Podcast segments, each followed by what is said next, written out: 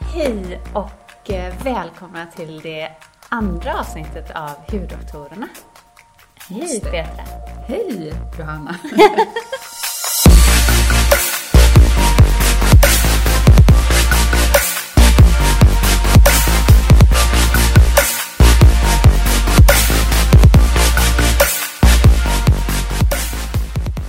Då var du här igen.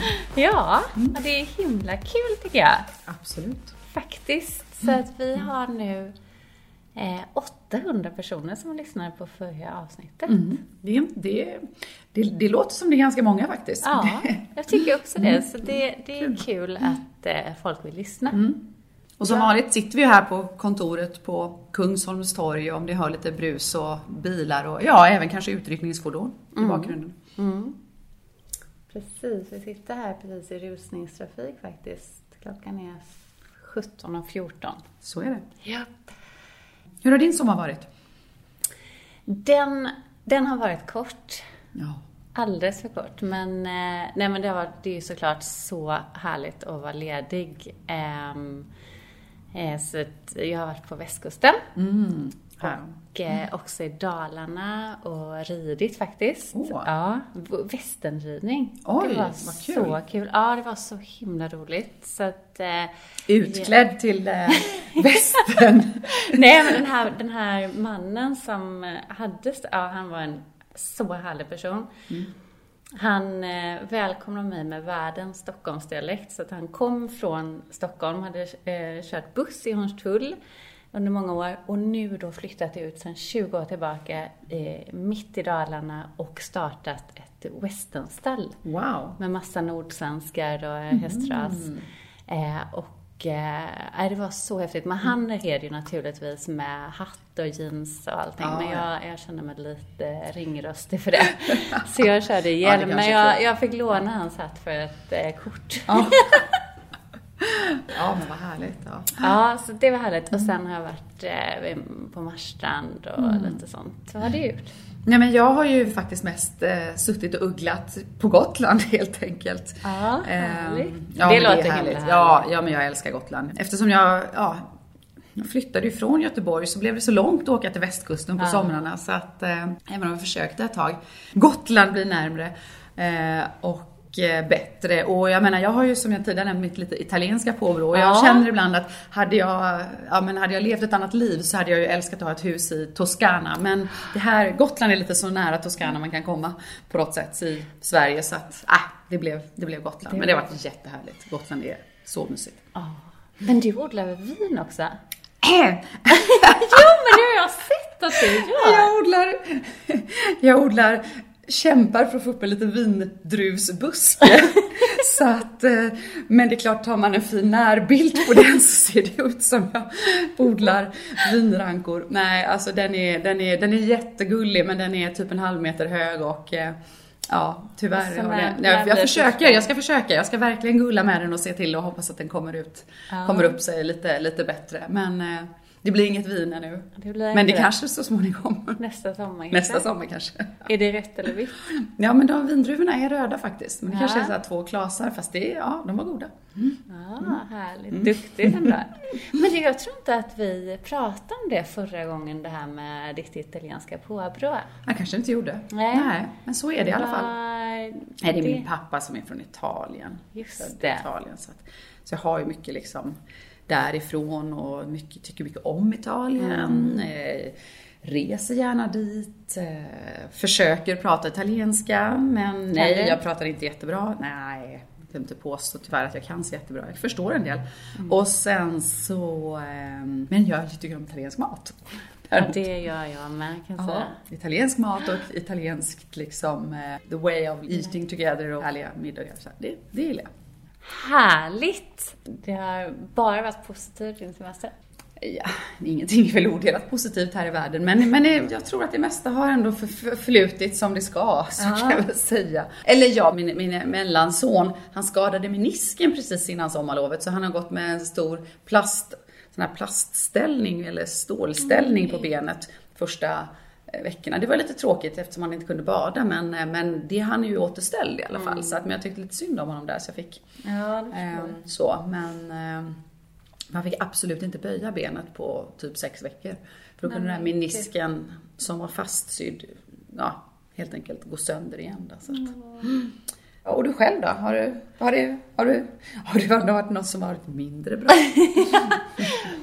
Eh, nej men själva semestern har varit underbar men sen fick jag till en liten flytt då mitt semestern. Mm. Så då la jag ut eh, lägenheten precis innan semestern och sålde den och eh, men då insett att var ska jag bo nu? Ah, Så nu eh, befinner jag mig i en lägenhet där det är, jag hade ju helst velat så flytta lite utanför stan och Ja. letar då lite mer, inte lantligt ska jag säga, men ändå lite mer lugnare sådär. Har bott inne i stan så länge nu. Och befinner mig då i, absolut, det måste vara den mest trafikerade gatan i hela Stockholm. Så jag vaknar fyra, aj. så ser jag väldigt trött ut så är det för att jag vaknar fyra varje morgon ungefär. oj, oj, oj. Ja. Men annars så är det Ja. strålande och det är så himla kul att vi Ja. ses. Nu eh, ses vi igen, ja precis. Jag har ju försökt även under sommaren då. Ja, till något litet snack. Men ja, sommaren går fort. Den går väldigt fort. fort. Men nu är vi här och nu ska vi fortsätta prata om rosacea. Ja!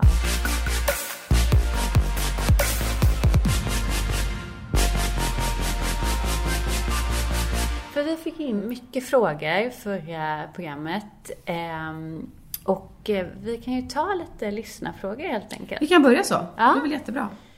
Vi har fått in jättemånga frågor som sagt var och det är ju superkul förstås. Det går inte att svara på alla även om vi skulle vilja. Men eh, en ganska allmängiltig fråga är ju så här, såklart då, som visserligen är ganska övergripande och som väl kan bli kanske ett väldigt långt svar egentligen, men vilken produkt ska jag använda för rosacea? Säger Och då har vi fått in också ett mejl här som är ganska intressant, så jag kan ta på den frågan faktiskt. Eh, det är en, eh, en tjej eller kvinna som har eh, skrivit in Hej, tack för en intressant och bra podd. Har rosacea och fick diagnos för cirka 15 år sedan och gått på tetracykliner och finacea om vartannat. Men efter att jag började med Dermalex behöver jag varken tetracyklinerna eller någon annan kräm längre.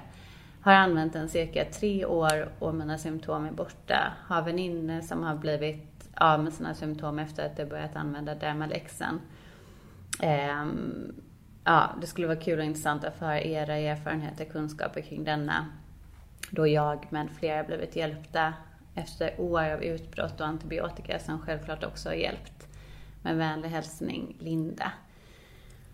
Och det här tyckte jag var lite intressant faktiskt. För tittar man på den här produkten då som hon eh, nämner, Dermalex, den är, den är intressant ska jag säga. För att dels så har man då formulerat den med eh, hudegna substanser som det som finns naturligt i huden, alltså kolesterol, ceramider till exempel. Och sen det som vi pratade om förra gången som är viktigt i rosacea, det är just den här antiinflammatoriska biten. Och här har man då formulerat den här med Bisabolol som är en sån här eh, väldigt vanligt eh, använd antiinflammatorisk substans. Dels för rosacea men också för känslig hud och röd hud. Och den innehåller också eskulin som är också ett annat antiinflammatoriskt ämne. Och Bisabolol till exempel, det eh, har man ju utvunnit av kamomill sedan många år tillbaka. Eh, sen har man haft problem att utvinna den i, i bra volym. Så då har man tyvärr börjat skövla regnskog för att få tag på det här. Men nu finns det andra sätt, alltså mer bioteknologiska eh, sätt att eh, framställa den på. Eh, eskulin kommer egentligen från hästkastanj, men där har man också tagit och syntetiserat själva substansen, så den kan man nu få i, i god mängd. Övergripande tycker jag det här ser ut som en bra produkt och jag förstår att, att den kan hjälpa just eh, på grund av den antiinflammatoriska verkningsmekanismen.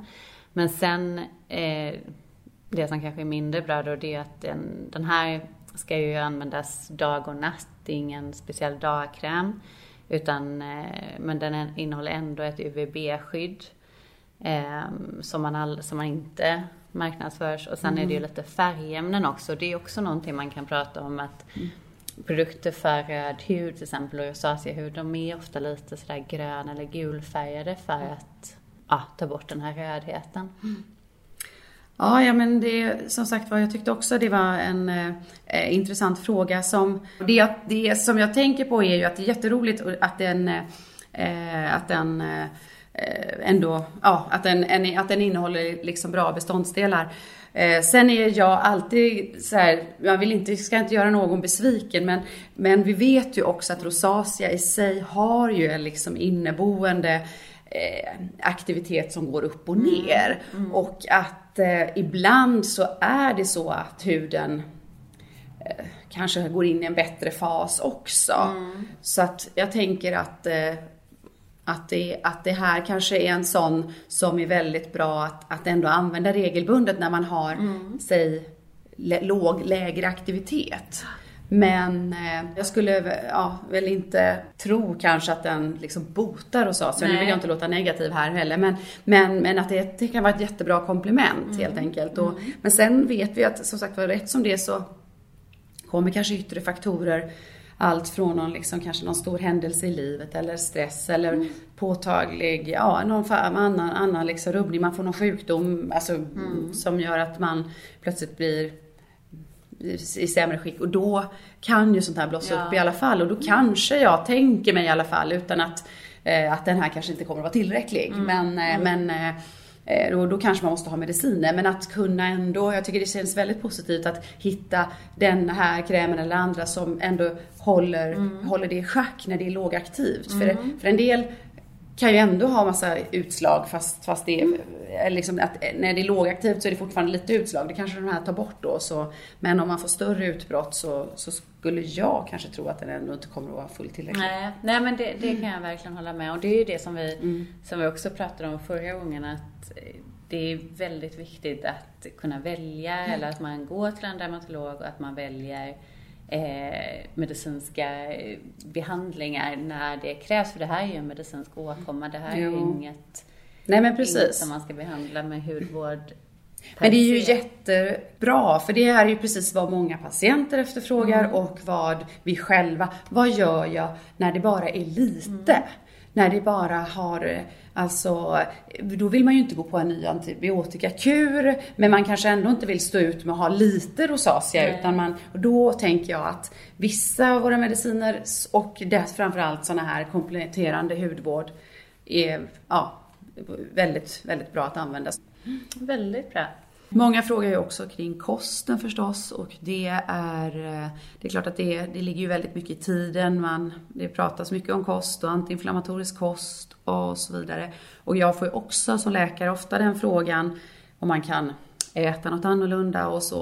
Och vi vet ju att det finns, nej men det är ju ganska välkänt de här som vi säger triggerfaktorerna. Om du väl har rosacea så ökar risken att du får liksom ett nytt skov om du till exempel, framförallt är det mycket i solen, men jag tänker när det gäller maten, då är, kan det vara så här eh, vin och starka kryddor och sånt där. Men det är ju inte egentligen för att man menar på att det där skulle driva, vara några inflammationsdrivande substanser, utan där tänker man sig mer att, att det är kärlvidgande och mm. allting som vidgar kärlen i ansiktet och gör att man blir röd och liksom blossande kan trigga nya skov liksom via olika så här, kärlmekanismer snarare. Så, att, så det är ju förstås, alla patienter får ju rådet att undvika försämrande faktorer.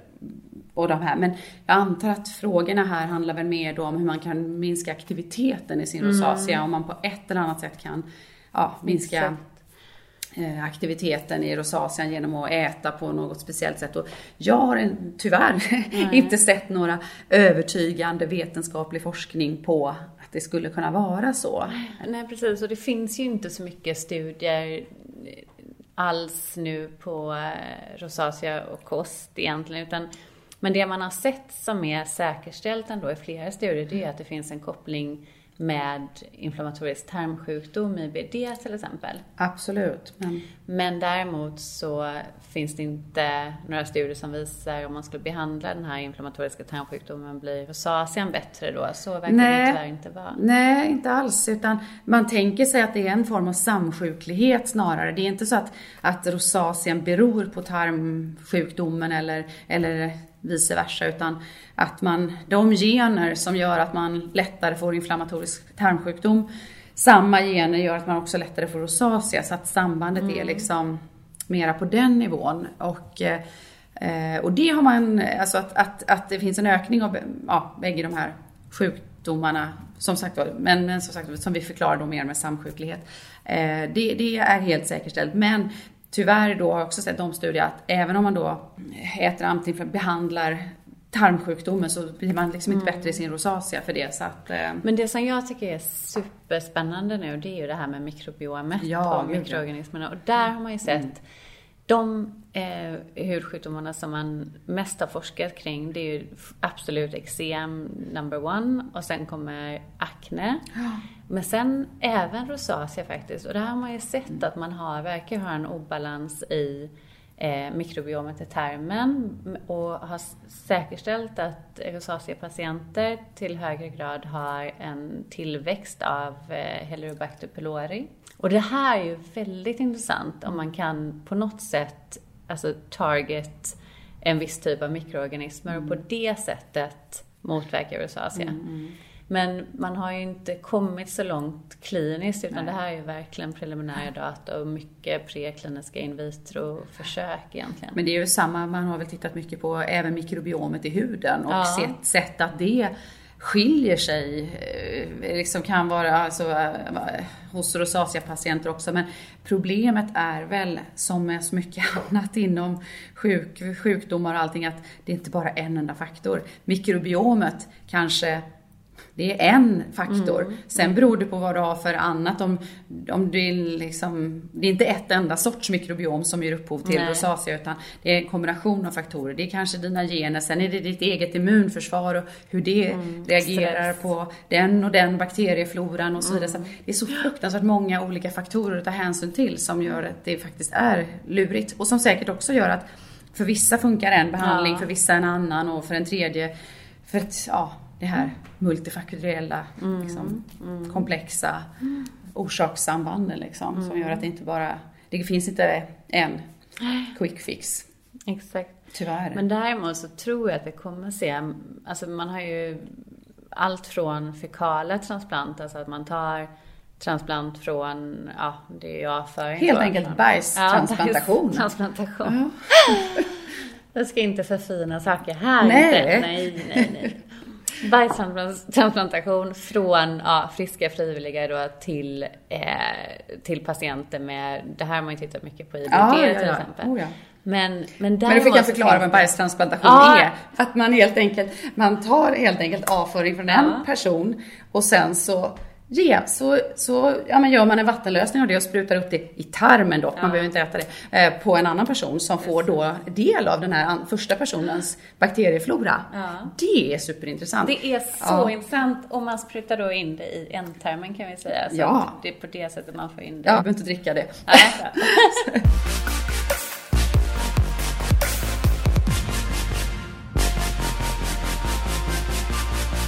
Nej, och någon som verkligen kan det här med mikrobiomet och speciellt det tarmmikrobiomet och det vaginala mikrobiomet, det är ju Lars Engstrand och hans fantastiska team på Karolinska som eh, just eh, tittar på det här med fekala transplantationer och hur man i framtiden faktiskt kan förbättra detta. För nu det är ju väldigt komplext. Det är inte alla som man kan utföra detta på i och med att det behöver vara i kontrollerad miljö. Och så. Det är inte någonting man gör hemma själv i köket precis. Att, eh, det finns ju andra sätt att faktiskt föra in bakterier i tarmen och det forskas ju mycket på det nu så att man kanske i framtiden slipper de här fekala transplantationerna helt enkelt. Ja men det, men det där är säkert, alltså jag, jag, tycker att det är så otroligt intressant med både mikrobiom och vårt immunförsvar. Och jag tänker mycket som alltså, att jag tror att vi kommer möta en era nu där vi kommer, ungefär som cancergåtan, jag kan inte, det är klart att den inte är löst, men så mycket som vi har lärt oss mm. under de mm. senaste liksom, 50 åren om mm. cancer och cancergenetik och allting, så tror jag att vi kommer att ha en liknande kunskapsgalopp eh, liksom kring eh, forsk, alltså kring eh, inflammation, immunförsvar och även mikrobiom och Det sånt där. Det, det, det ser jag fram emot. För att I jag tror att väldigt mycket kommer att, vi kommer att få, vi kommer att få lära oss väldigt mycket och, och kunna hantera mycket också. För vi är ju egentligen, vi är ju vandrande ekosystem. Ja. Vi, är mer, vi har mer bakteriellt DNA än humant Mm, DNA, vilket är helt ganska otäckt om jag ska vara helt ärlig. Ja. Så att de här bakterierna, de flesta ska vi i alla fall vara väldigt snälla mot. Ja, och det, det gör ju också, det är det här jag tänker lite grann att när vi då behandlar olika, det är ju det som du faktiskt har också lite pratat om i dina, din bok och så här, att inte ha allt för mycket olika produkter. För varje gång vi tillför någonting, även om det i sig inte är farligt, så ändrar vi kanske i våra ekosystem, i vårt mikrobiom på ett sätt som kanske inte är gynnsamt. Men vi vet kanske inte riktigt vad som kommer att vara, ja, ännu vad som är ogynnsamt och så vidare. Men, men vi, vi är där och petar liksom. Ja, exakt. Jag håller med till 100 procent. Ja, det hoppas jag, för det är du som har lärt mig det.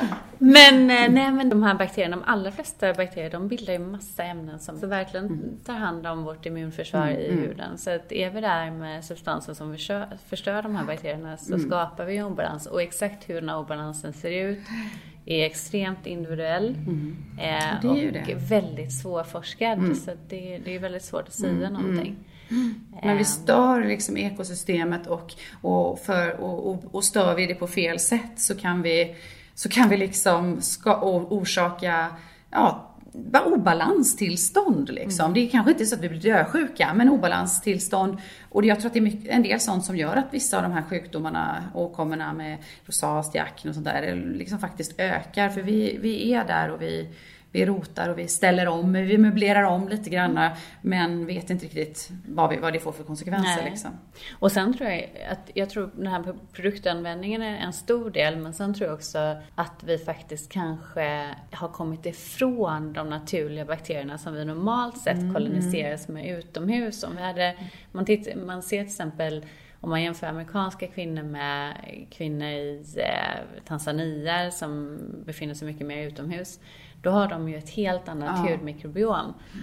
Eh, och vi ser också att amerikanska kvinnor som befinner sig mer inomhus då har Ja. betydligt mycket mer atopiskt eksem till Ja. exempel. Så att Det kan vara den torra luften också. Ja, exakt. Jag vet att vi har pratat om det. Och det kan absolut, men det är en väldigt intressant Ja. observation. Och tänker man också på då hästar som eh, normalt sett eh, rullar sig i jorden för att kolonisera med Ja, här det. neutrosomernas eutrofa. Det är ju för att bryta ner svett för att skapa antiinflammatoriska substanser som då skyddade pälsen. Och det tror man ju att vi också var koloniserade Ah. med förut. Men vi, det har ju helt försvunnit från oss för att vi rullar oss inte i jord längre och Nej. vi bor inte bland träden och sådär. Nej. Men eh, det kanske vi ska göra. Om man flyttar så Ja. ska jag flytta. Så ska du Flytta rulla i dig i jorden. Varje morgon. Ja, det låter bra. Vi borde faktiskt bjuda in Lars Engstrand någon gång och, och eh, som verkligen är så här mikrobiomexpert och eh, få berätta Ja. om det. Det tycker jag. Ja, det tycker jag också.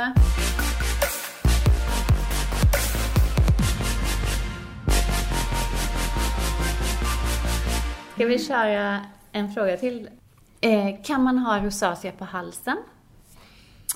Ja, en bra fråga. Eh, det är mycket mer ovanligt. Eh, men de flesta har rosacea på kinder och panna och haka och näsa och ganska symmetriskt. Men det finns de som har lite utslag på halsen. Det finns även de som har utslag väldigt högt, upp i pannan, även på hjässan, som man inte nog tycker är en, form av rosacea också. Liksom. Så att eh, det finns alltid varianter, men det är inte det vanliga. Och sen har vi fått ännu mer då produktfrågor. Så det är bland annat, hur ska man tänka kring peeling av rosaceahud? Typ fnas på eh, näsa och kinder.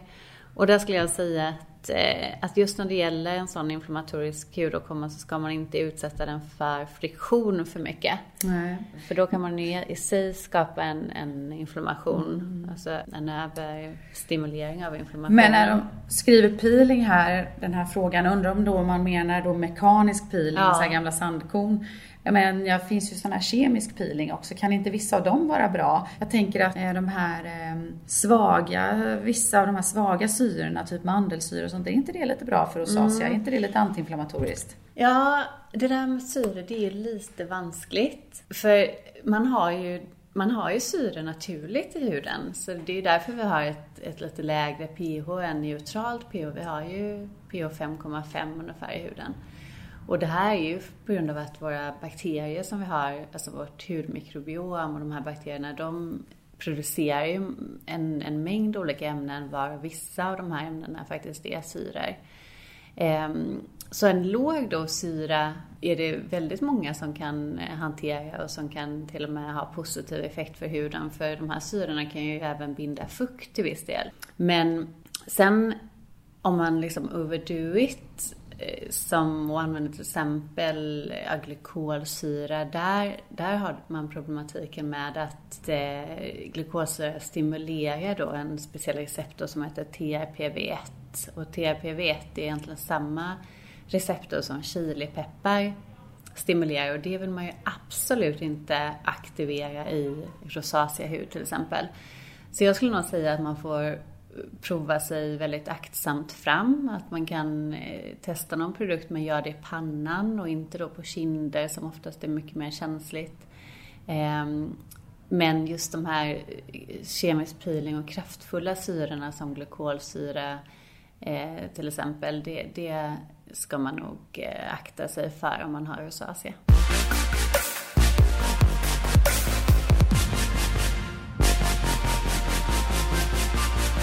Sen en annan fråga här om laser och Dermapen är någonting som används vid rosacea. Då skulle jag säga så här att eh, laser kan man definitivt använda eh, då tänker jag framförallt på kärlaser eller IPL och sånt där som är bra mot rodnaden som uppkommer vid rosacea.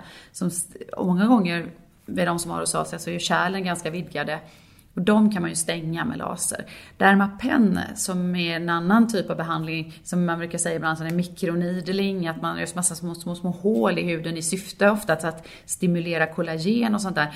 Det skulle jag inte säga är någon som är en bra behandling så här, för, mot rosacea eller någonting. Där får man nog kanske vara lite försiktig med. Mm. Men det är klart, är man i ett lugnt skede och vill ha mer ha en kollagenstimulering av andra skäl så, så eh, Eh, så kan det säkert gå bra, men jag skulle inte rekommendera det som någon form av rosaceabehandling nej, i alla fall. Nej, absolut inte. Igen där att... Lugnt och fint.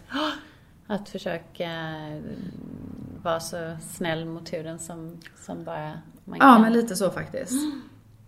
Vi fokuserar ju mycket på eh, rosacea och det är ju vanligast hos kvinnor men faktum är att det är ganska många män också som får eh, rosacea. Om vi pratar, jag tänker så här, medicinska behandlingarna är väl ganska likartade, alltså med liksom läkemedel och sånt. Men, men män och kvinnors hud skiljer sig ändå ganska mm. mycket mm. åt. Skulle du rekommendera liksom olika typer av produkter om det är oavsett, eller beroende på om det är en manlig eller kvinnlig rosacea-patient? Mm. Mm. Nej, det skulle jag inte, utan det som man med hudvård, när man tittar på eh, skillnaden mellan manlig och kvinnlig hudvård, då brukar det alltid vara dels olika parfym. Och där tycker jag man på rosacea ska man absolut välja på helt parfymfritt. Mm. Eh, och sen när man tittar på hudvård så väljer män ofta en mycket lättare hudvård. Eh, alltså en kanske en mer gelbaserad kräm ja. och sådär. Eh, och det finns ju ofta, alltså tittar man på substanser då som vi har tittat på, de här antiinflammatoriska, bisabolol mm. till exempel. Vi har pratat om eskulin, vi, vi eh, kan också prata om allantoin mm. som är ett ämne som normalt sett kommer från vallört. Och det syntetiseras nu också. Man, man eh, extraherar ju inte det från vallört längre utan man eh, syntetiserar det på ett labb. Men det är också mycket antiinflammatoriskt. Mm. Så att de här substanserna, pantenol är också antiinflammatoriskt. Och det här är substanser som normalt sett finns i den här typen av hudvård för röd, känslig och, eller rosacea-drabbad hud. Så jag skulle säga att, att eh, det är egentligen ingen skillnad med män och kvinnor vad man kan välja där. Men däremot kan man ju välja lättare alternativ, alltså där det inte är så mycket oljefas. Och där får man nästan känna sig fram mm. om man är man och inte vill ha det här lite mer feta. För det, det är egentligen den största skillnaden mellan Ah. manlig och kvinnlig hud, att eh, män har lite mer sebumproduktion på grund av testosteronet. Och eh, kvinnor har ofta lite torrare hud och därför så väljer kvinnor ofta mer fetare krämer.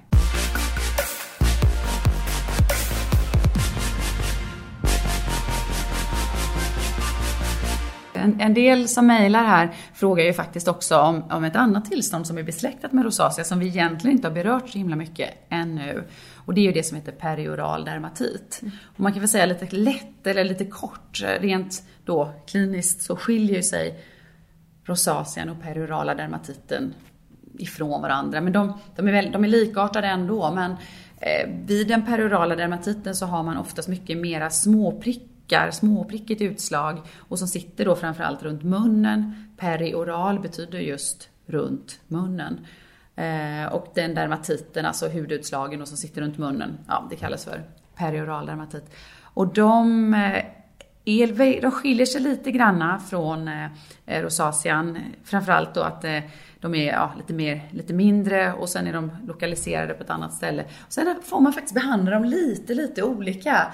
Det är inte riktigt, alltså det, jag tycker att perioral dermatithuden är ännu mer känslig än vad faktiskt rosaceahuden är ibland. Och eh, använder man vissa av de salvor eller så här läkemedel i krämform som man kan förskriva till de med rosacea kan inte de med perioral dermatit alltid ha för det blir för mycket irritation. Va? Så att, ja, men det, men det, det är som vi brukar säga, det är ett helt program bara det. Ja, och vi tänkte ju att eh, avsnitt fyra ska vi fokusera på eh, PD, perioral dermatit. För där, där är det också intressant, det, där ser man ju verkligen en koppling till överanvändning av vissa hudvårdsprodukter eh, där man kan trigga perioral dermatit eh, och undvika egentligen det mesta där det gäller kosmetikprodukter. Mm, mm. Håller med. Det tar vi som sagt då avsnitt fyra. För avsnitt tre ska nämligen handla om solen. För vi har fått så mycket frågor om, ja nu efter sommaren, att man börjar märka att man har fått lite pigmenteringsrubbningar och hyperpigmentering och sådär. Så det tänkte vi lägga faktiskt mm. avsnitt tre på. Mm. Pigmentförändringar. Av, av huvudsakligen egentligen då, som vi säger kanske melasma, solfläckar och sånt där. Men vi ändå kommer att beröra lite granna de här eh, födelsemärken också. För mm. att ibland vet man ju inte vad som är vad riktigt. Nej, exakt. exakt. Och vad kan man göra åt det? Finns det någonting man kan göra åt det här? Eh, så det eh, fördjupar vi oss i avsnitt tre. Yes. Men du... Eh, Tills dess. Ja. Bye bye. Ja, ha det så Bra. himla härligt. Och eh, då ska vi också säga att vi finns ju på sociala medier. Eh, så moderna är vi. Jag heter Johanna understreck Gillbro på Instagram. Och jag heter Dr. Petra understreck hudlakare. Och sen så kan man mejla då frågor numera till vår mail som heter då huddoktorerna at gmail.com. Eh, och där kan man mejla in frågor, man kan också mejla in eh, frågor där på Instagram. Så hoppas att vi hör från er och eh, vi ska också säga tack så hemskt mycket för all fantastisk feedback som vi har ja, fått. Verkligen.